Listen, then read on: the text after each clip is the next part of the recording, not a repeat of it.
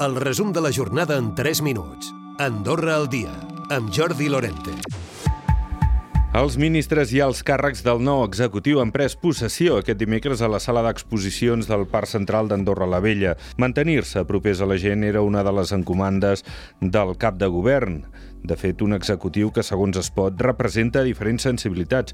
Una de les claus de la legislatura seran les negociacions de l'acord d'associació. Xavier Espot. Determinarà la vida econòmica i social del nostre país a 50 anys vista. No? Per tant, la gent no haurà d'interpretar mai, o en tot cas jo faré el necessari perquè no ho com un vot d'aval ni de càstig a l'acció del govern. Però ningú se li escapa que després d'aquest referèndum, si té lloc, que en principi tot fa pensar que sí, durant eh, aquesta legislatura s'imposaran certament algunes reestructuracions en el si del govern. D'altra banda, més enllà de l'acord d'associació, el nou govern té reptes importants per endavant, com l'habitatge o la despenalització de l'avortament.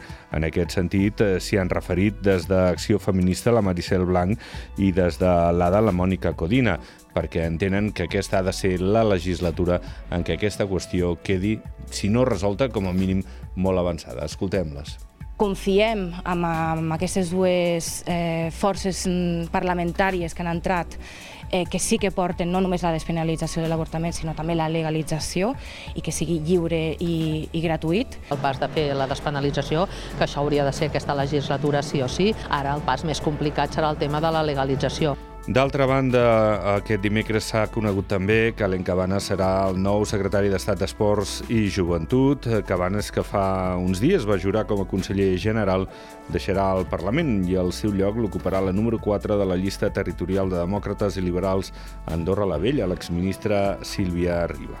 I també hem conegut que Bruno Lasne ha estat nomenat nou director del cos de la policia. El fins ara director junt relleva Jordi Moreno, que jubila després de 38 18 anys al cos. L'Asne va arribar a la policia el 1987 i ha estat cap del grup de seguretat ciutadana, del d'Investigació Criminal General i de la Unitat Especial d'Intervenció. Concòrdia ha estat el partit que més ha aprofitat la campanya electoral. Això és el que pensa el Departament de Sociologia d'Andorra Recerca Més Innovació, que comença aquest dijous la primera enquesta política que es fa mai després d'unes eleccions, tot plegat per explicar el sentit del vot i els resultats globals dels comicis.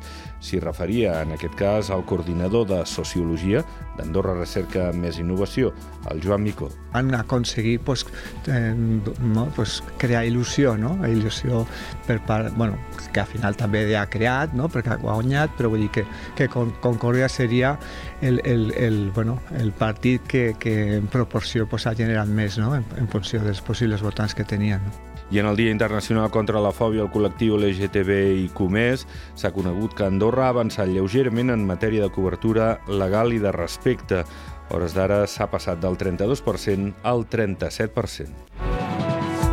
Recupera el resum de la jornada cada dia a AndorraDifusió.d i a les plataformes de podcast.